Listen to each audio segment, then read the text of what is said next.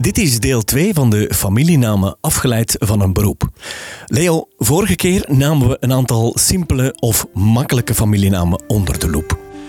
Er zijn er nog anderen, hè. Maar die zijn minder tof. Oké. De beul.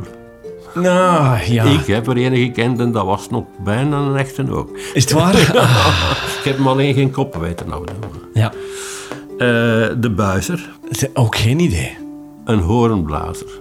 Is het dan iemand die mensen bij elkaar blaast? Die een signaal geeft? Ja, of aankondigd, of ja. Ah, een soort van Een belleman dan ook. kantonketter eh, Ja. tegenwoordig. Hoornblazer zou ik kunnen zeggen. Ja. Dat is het beste woord. Eh, kastelein. Oh, het klinkt heel bekend, maar ik weet niet wat dat is. Het is of kasteelheer, of slotvoogd, of plaatsvervanger van de heer.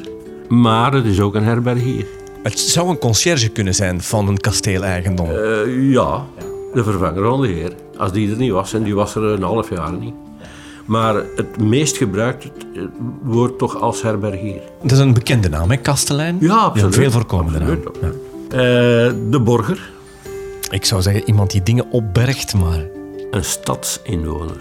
Maar iedereen is toch een stadsinwoner? Nee. Nee? Nee. Bedoelt men daarmee iemand die van de stad komt? Kijk, dit is een boek. En hoe heet dat? Dat is De Gekochte Poorters van Mechelen. Wat betekent dat nu? Tussen 1400 en 1795, want de Fransen hebben het afgeschaft. En dat zijn dus mensen die dezelfde rechten kochten als iemand die geboortig was in Mechelen zelf.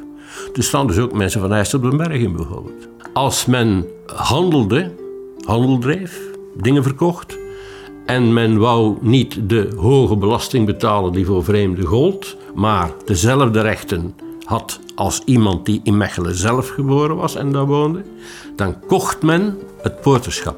En zo iemand die die rechten gekocht heeft, noemen wij dan de borger. Ja, ze zeggen nog wel eens tegen de burgemeester ook de burger. Hè? Ja? ja. Maar het is effectief een inwoner van een stad. Effectief, niet degene die de rechten gekocht heeft. Nee. Nee, hij Dat- moet er effectief Dat worden. is een gekochte porter. Maar de vreemde namen die hier voorkomen, dat zijn heel vaak gekochte porters.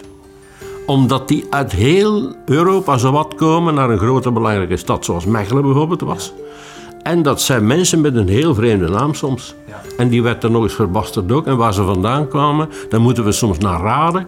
Want we kunnen, zoals het uitgesproken werd, in een vreemde taal, werd het overgenomen. Maar hoe? Denk aan iemand die Arabisch spreekt. En die moet hier gaan zeggen waar dat die van, eh, vandaan komt.